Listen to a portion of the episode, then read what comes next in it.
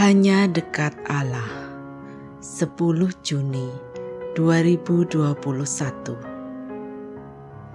Jangan menyia-nyiakan berkat.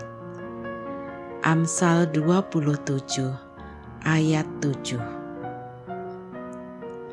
Orang yang kenyang menginjak-injak madu. Tetapi bagi orang yang lapar segala yang pahit dirasakan manis. Kenyataan dalam dunia, manusia memang demikian. Ketika situasi dan kondisi berlimpah, manusia cenderung menganggap remeh apa yang dimilikinya, bahkan menyia-nyiakannya. Dalam Alkitab Bahasa Indonesia masa kini tertera kalau kenyang, madu pun ditolak. Kalau lapar, yang pahit pun terasa enak. Memang demikianlah prinsip ekonomi. Ketika panen berlimpah, harga pasti turun. Namun saat paceklik tiba, harga pasti membumbung karena banyak orang mencarinya. Pada titik ini, kita perlu belajar dari Yusuf anak Yakub. Ketika Mesir mengalami panen raya selama tujuh tahun, Yusuf membuat banyak lumbung. Dia tidak membiarkan berkat terbuang percuma. Dia mengumpulkannya.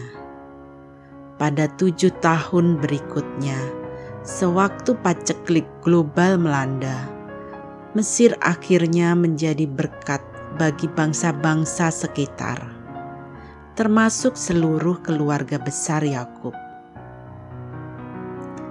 Menabung menjadi tindakan logis karena kita tidak pernah tahu hari esok. Hiduplah secukupnya, karena kebutuhan manusia memang terbatas. Prinsip hidup sederhana perlu terus kita canangkan dalam kehidupan. Sebenarnya tak hanya barang yang bisa ditabung, pengetahuan pun bisa kita tabung dan kita bisa gunakan kala perlu. Namun demikian, pengetahuan itu semestinya akan lebih bermanfaat jika kita membagikannya misalnya dengan memberikan pelatihan maupun pembinaan.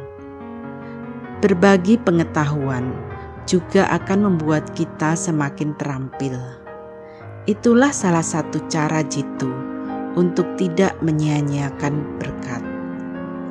Salam semangat dari kami, literatur perkantas nasional, sahabat Anda bertumbuh.